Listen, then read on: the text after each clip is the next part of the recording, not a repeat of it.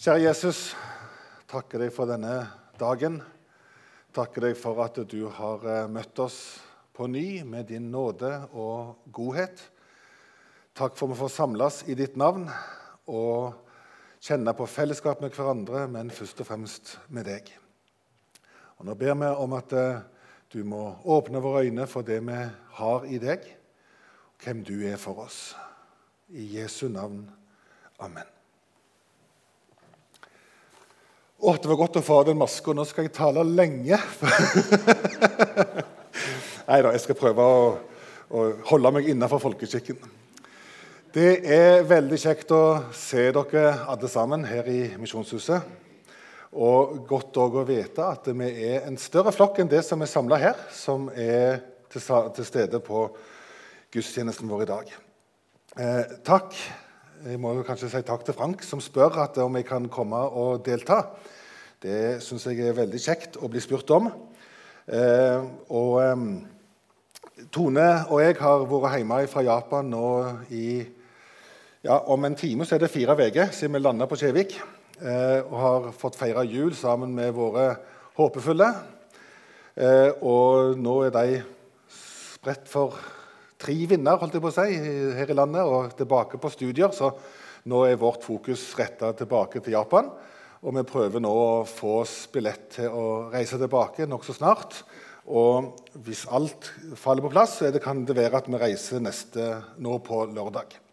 Eh, og Da er tanken at vi skal være i Japan fram til sommeren og avslutte vårt engasjement der.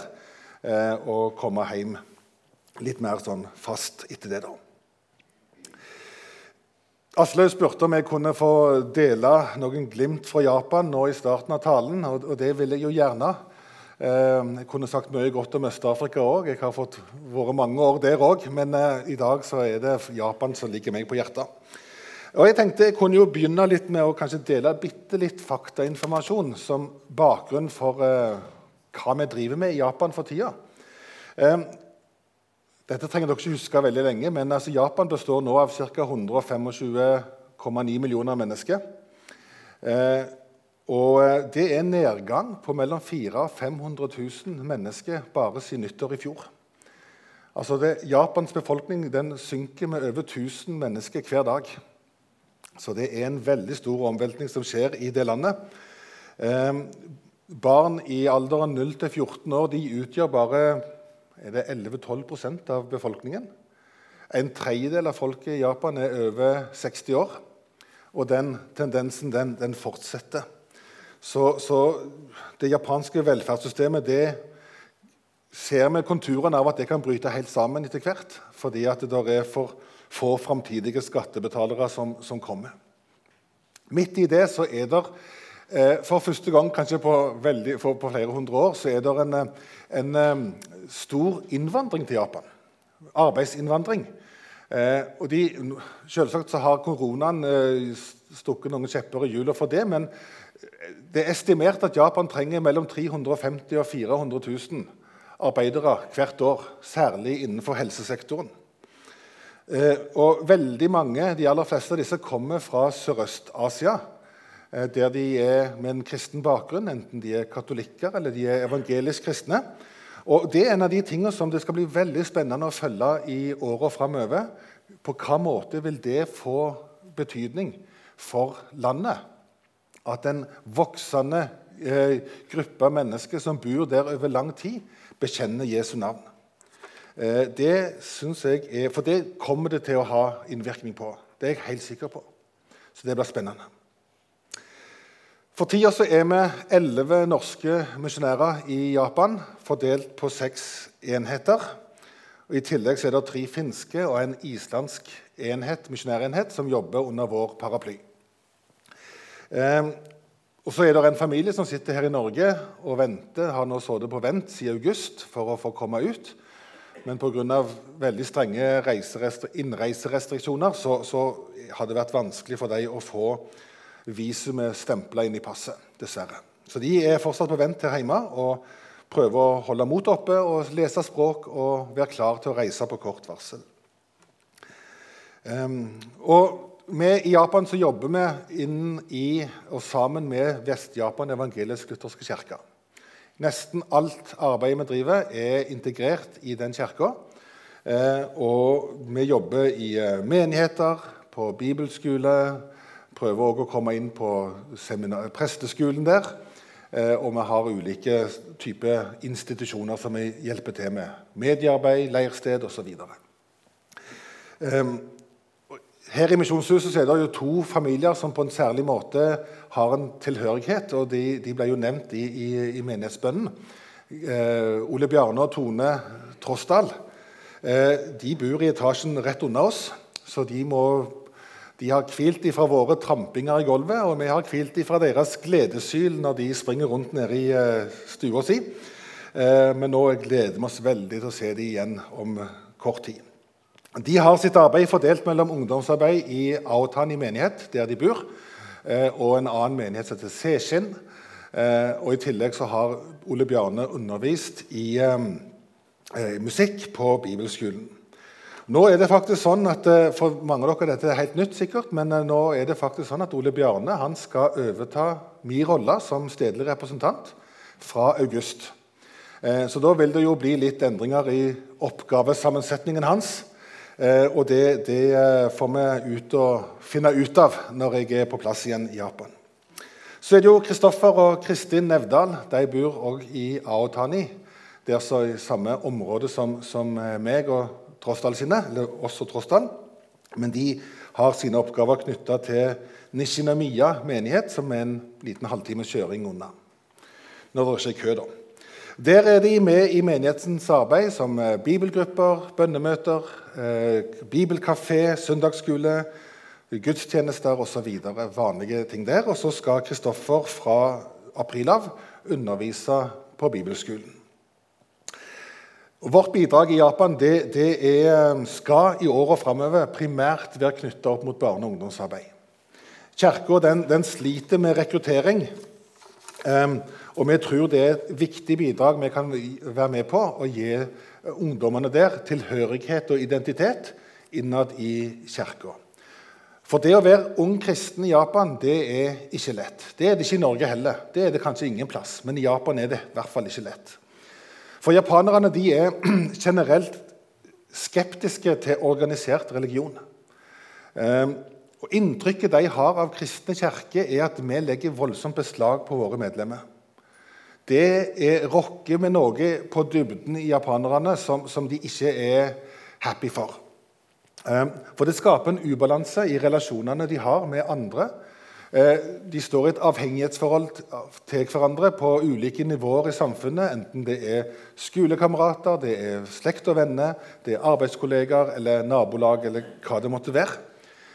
Og, og når, når da Kirka kommer og ber de kristne om å delta fast i møtevirksomhet og aktivitet, så rykker det noe av den balansen og den harmonien som ligger i, i folket.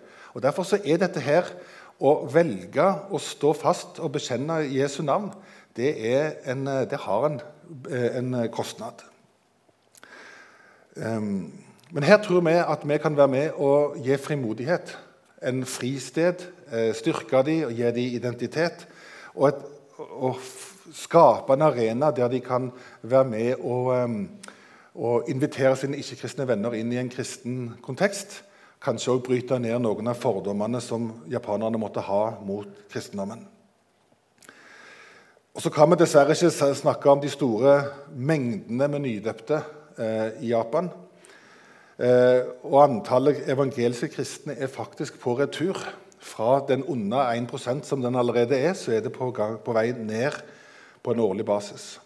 Det er ikke lett å nå inn til folket med, med evangeliet.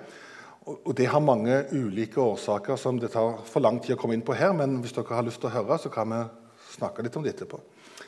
Samtidig så ser vi store utfordringer.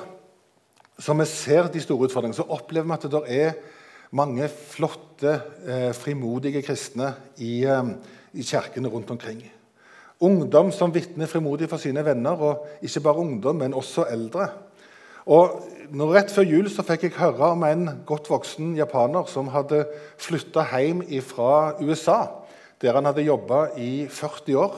Nå er han blitt pensjonist og skal tilbringe resten av tida si i Japan.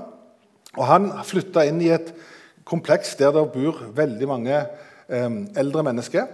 Og han har eh, begynt å introdusere seg sjøl og fortelle hvem han er, og at han er kristen. og, og sånn. Og Han kom vel i fjor sommer, hvis jeg ikke husker feil, og allerede nå så har han klart å hanke inn ei dame som, som, eh, som, hadde vært i kontakt med Jehovas vitner i ungdommen, men som opplevde at hun aldri egentlig fikk helt grep på dette med Gud. Og Han fortalte hvordan han opplevde det, og inviterte henne med. og Hun har faktisk allerede begynt å gå til dåpsundervisning hos Kristoffer Nevdal. Og Da har jo han på en måte overtatt litt av ansvaret for oppfølging av henne. Men da går han det her Takadar Besan, han går tilbake og finner en ny person som han da deler trua med, og som nå har begynt å gå fast på møter. I tillegg så har han nå på i slutten av 60-åra har han begynt å studere teologi for å være godt rusta til å dele trua si. Så det skjer noe eh, stadig vekk, og det er vi veldig takknemlige for å være med på. Og takk for at dere står med oss i eh, arbeidet i Japan. Vær med og be om at det må åpne seg dører inn til dette folket, eh, som så sårt trenger å bli kjent med Jesus. Ja. Så er vi kommet til andre søndag i åpenbaringstida. Eh, og dette er ei tid i kirkeåret der eh, vi på en særlig måte skal, fokuset skal være på å åpenbare hvem Jesus er, og hva han har gjort for oss. Eh, og I dag så møter vi i teksten vi snart skal lese, prestesønnen Johannes, som hadde flytta ut i ørkenen og forkynte for folket at de måtte forberede seg på at Messias skulle komme. I vers 7 i dette første kapittelet Johannes så står det at han skulle vitne. Han skulle vitne om lyset, så alle skulle komme til tro ved ham. Selv var han ikke lyset, men han skulle vitne om lyset. Og Johannes han, han framstår som en uortodoks og, og frittalende person. Og det er tydelig at han treffer en nerve i folket. Um, for de kommer i hopetall ut i ørkenen for å lytte til det han har å si. Eh, til budskapet hans. Og ikke bare lytter de, men det de hører, det treffer de i hjertet. Og så ønsker de oppriktig å eh, forberede seg på, på Messias sitt komme. Og så lar de seg døpe av døperen Johannes. Dåpen var her et vitnesbyrd om at de ønska å rense seg eh, og søke Gud av hele sitt hjerte. Johannes' dåp skal vi ikke forveksle med kristen dåp, eh, hvor vi begraves med Kristus og oppstår med ham eh, til nytt liv, som det står om i, i brevene. I Johannes' dåp så, så, er vi fortsatt i den gamle pakt, eh, hvor det var mange symbolhandlinger eh, som skulle peke fram mot det endelige oppgjøret med synd som kommer med Jesus. Johannes' sin dåp var en renselse fra et liv med synd. Eh, og Den kristne dåpen er en innlemmelse til Gud, til et fornya fellesskap med Gud. Og Johannes' sin oppgave det er ikke småtteri. Han skal forberede Guds folk på at ventetida er over, for nå kommer Messias. En ny tidsregning er på trappene. Og jeg tror dette ble mye større og mye mer omveltende enn han i utgangspunktet hadde sett for seg. Eller som noen kunne se for seg. Pakten skulle ikke bare shines opp og børstes støv av, den skulle fornyes. Og den skulle utvides til å gjelde alle folkeslag. Og Så står det sånn i Johannes 1, vers 29-34 da tror jeg vi tar og reiser oss og hører dagens tekst. Dagen etter ser han Jesus komme gående mot seg, og han sier, 'Se, Guds lam som bærer bort verdens synd.' Om ham var det jeg sa, 'Etter meg kommer det en mann som er kommet før meg', for han var til før meg.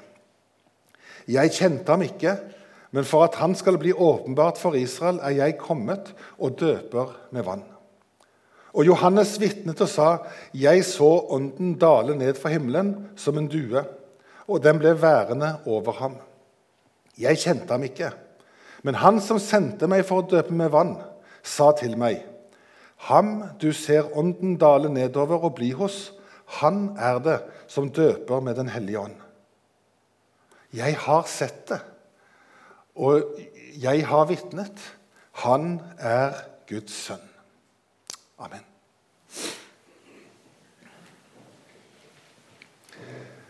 Dagen før vår tekst eh, så hadde Jesus, nei, Jesus Johannes møtt en delegasjon.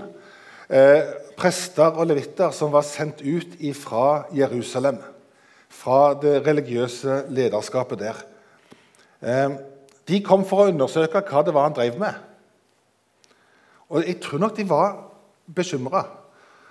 For det kom veldig mye folk eh, ut i ørkenen. Det var en bevegelse på gang. Det var en vekkelse. Det, en, det, det, var, det, skjedde noe i folket. De kunne merke det. Og sånt er jo ikke bare greit for et lederskap. Når du ser at de under deg begynner å røre på seg, da vil du ha kontroll. Og det ville de. Jødefolket jødefolket hadde inngått en avtale med okkupasjonsmakta, romerne, eh, som ga dem en viss, egentlig ikke så helt liten heller, religionsfrihet til å utøve sin egen religion. Det var en del krav som var lagt på for at det skulle eh, være sånn. Men, men de fikk i det store og hele lov å videreføre sin religiøse aktivitet. I motsetning til ganske mange andre folk som var underlagt eh, romerne. Men, men romerne de tolererte ikke eh, opprør. Og den friheten som var inngått, den var ikke absolutt. Avtalen var på ingen måte skrevet i stein, og det var viktig for eh, lederskapet i, i eh, tempelet å sørge for at de holdt seg innafor eh, det, det, det, rammeverket de var blitt enige om, sånn at de ikke ble tatt ifra flere privilegier eh, som, som, folk.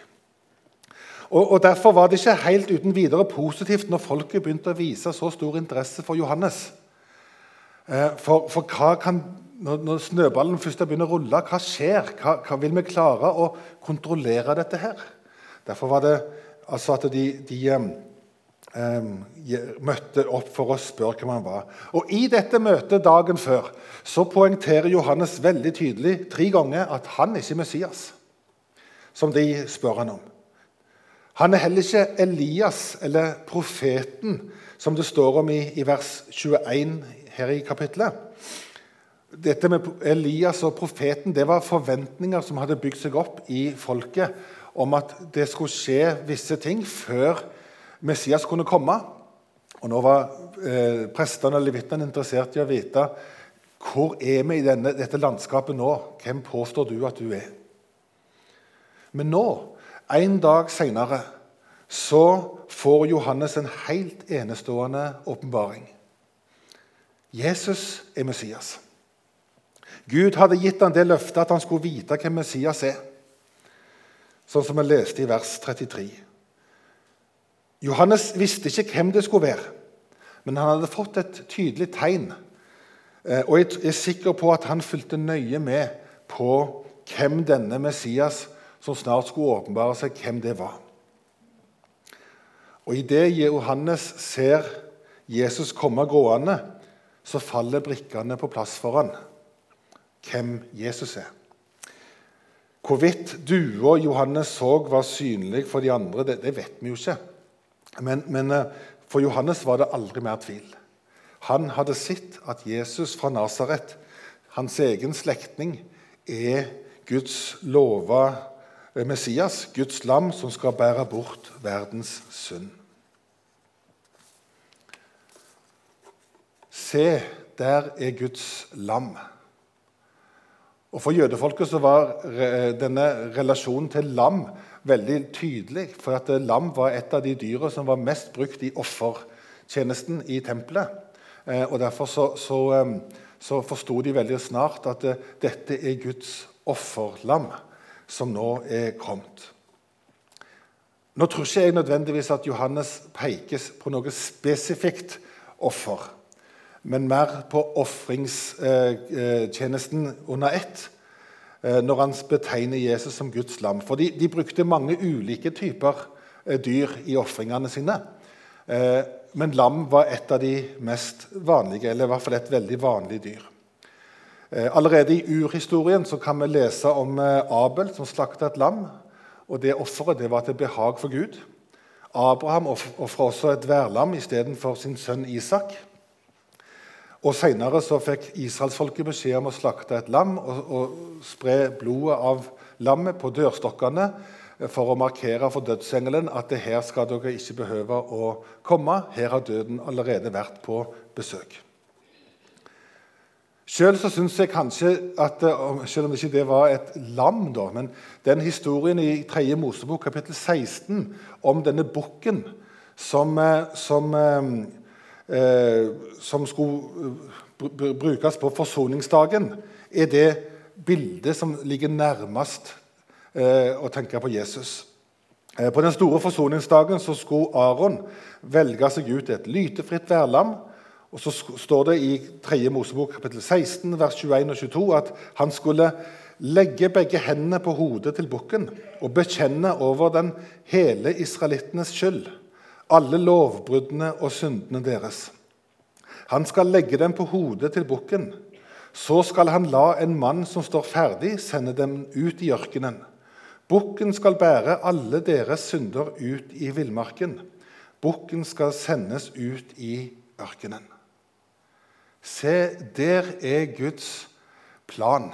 Der er Guds lam, der er Guds eh, offerdyr, offerlam. På søndagsguden så lærte vi at Guds lam bærer verdens synd.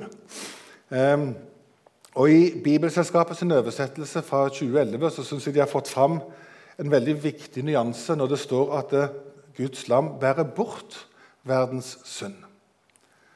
Um, akkurat som lammet i tredje Mosebok, eller bukken i tredje Mosebok, så står det der verbet oversettes med 'å bære', har i seg det å bære langt bort.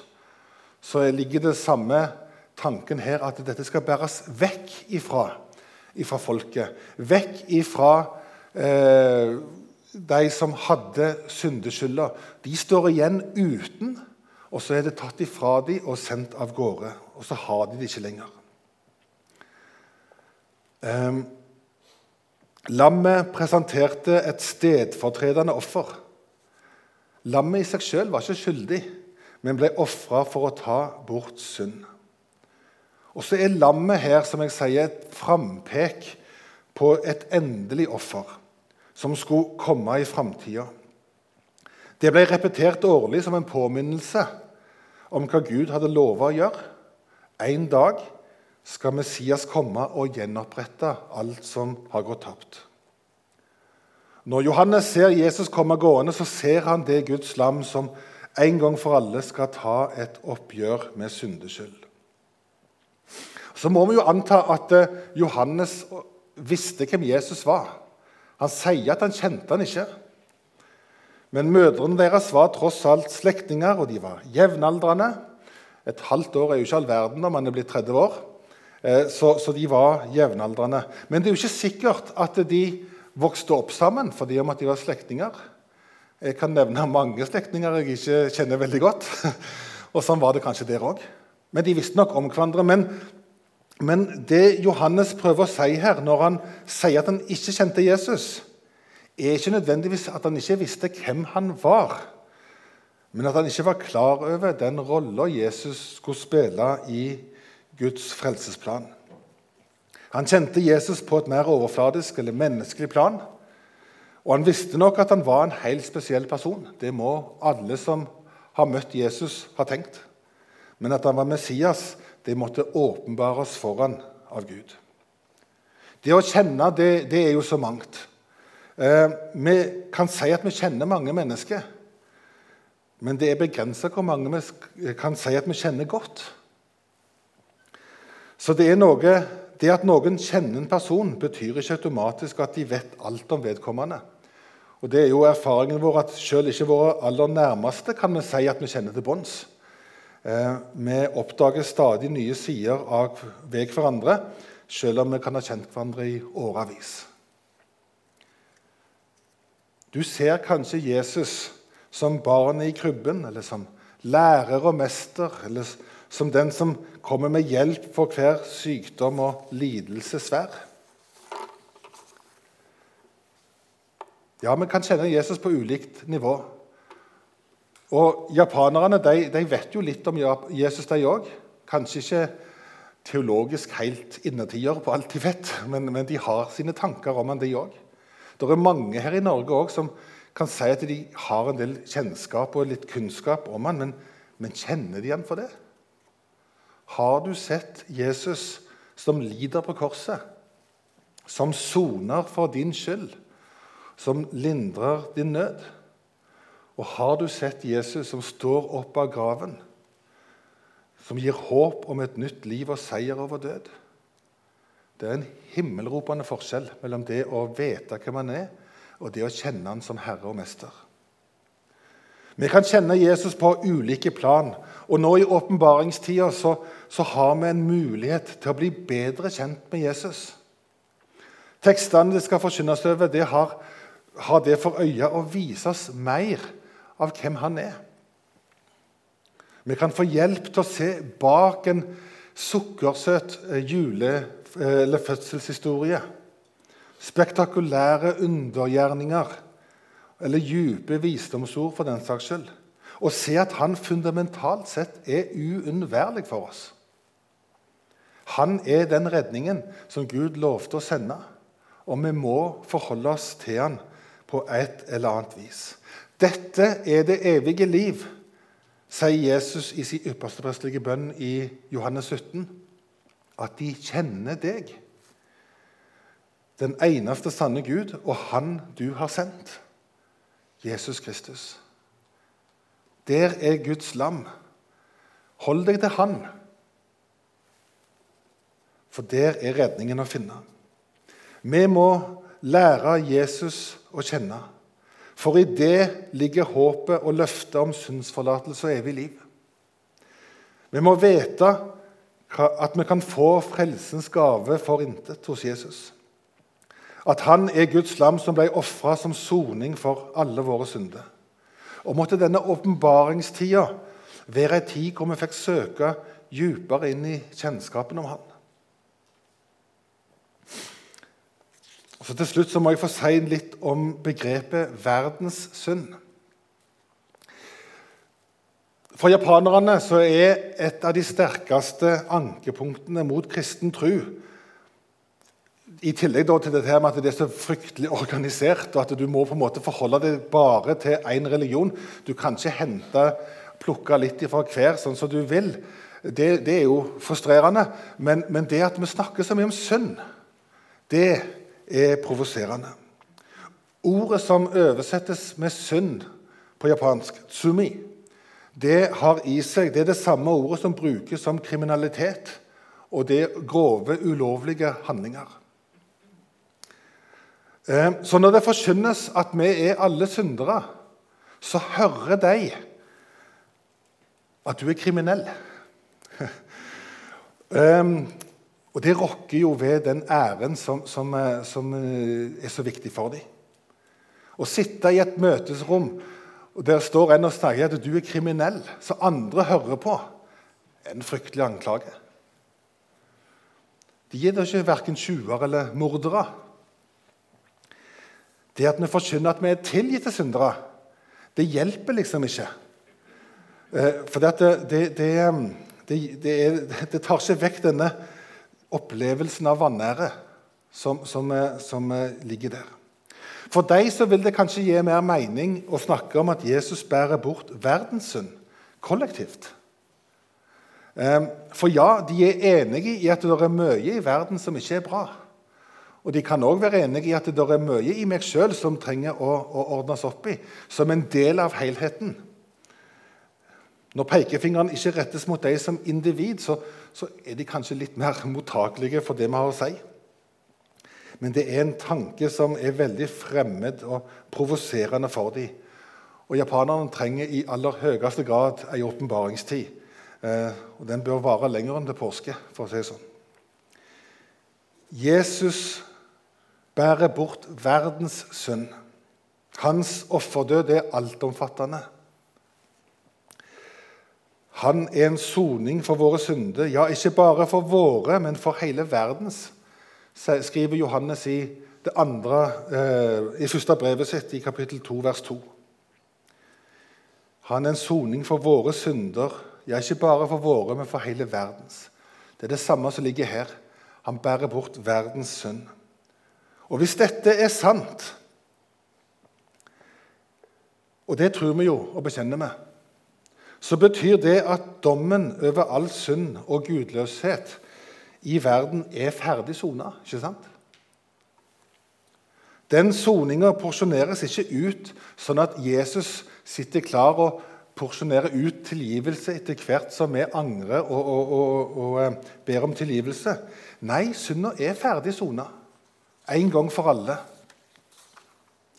Og hvis dette er sant, og det tror vi jo òg Ja, hva betyr det, da? Så betyr det at eh, alle i verden har en frelser de kan gå til for å få del i denne nådegaven.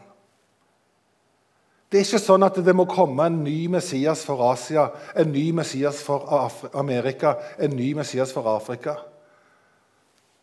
Messias har kommet. Han har vært her, han har sona, og han kommer igjen for å hente sin flokk hjem en dag. Og Det er ikke sånn, at det betyr jo da at det er en frelser som er stor nok og rik nok for alle som påkaller han. Men så betyr jo det òg Og det er noe av det himmelropende urettferdige som, som jeg syns er vanskelig å ta inn over meg. Det betyr at mennesket går fortapt med synder som allerede er tilgitt.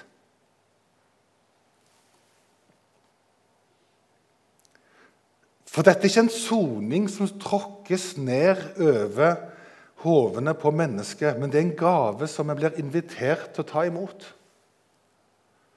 Og Skal vi kunne ta imot, ja, så, så må vi først få vite om denne gaven. Det må bli kjent for oss.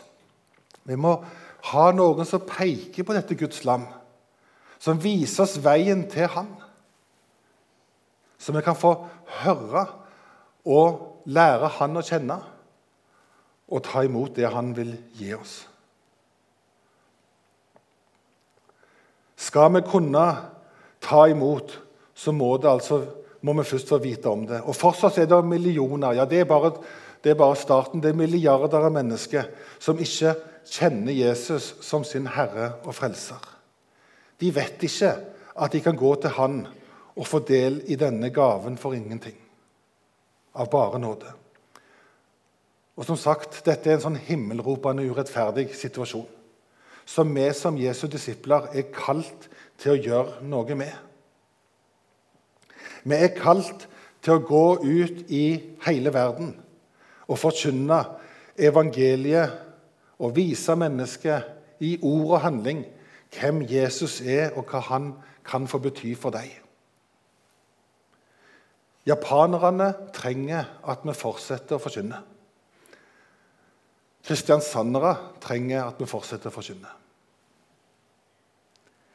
Så skal ikke vi ta rolla fra døperen Johannes, men vi skal få gjøre som han. Vi skal få bruke om ikke akkurat pekefingeren vår. Den er det mange nok som er opptatt av at vi ikke skal bruke i våre sammenhenger. Men, eh, men eh, med våre liv og med våre ord og med våre handlinger så skal vi få peke på dette Guds lam som bærer bort verdens synd. Kjære Jesus, vi ber om at du må utrustes, og du må gi oss den nøden som vi trenger for å gå ut med ditt ord. Det jeg trenger mest av alt, det er visdom og mot du ser hvor redd jeg kan være i møte med dette store eh, oppdraget. Så trenger jeg at du gir meg det jeg skal ha for hver dag. Det trenger vi å be om alle sammen, tror jeg. Kjære Jesus, det du har gitt oss, det er så mye større enn bare oss. Det gjelder alle. Måtte du gi oss muligheter, åpne dører til å nå inn til menneskene rundt oss, enten de bor langt vekke eller nær oss. Amen.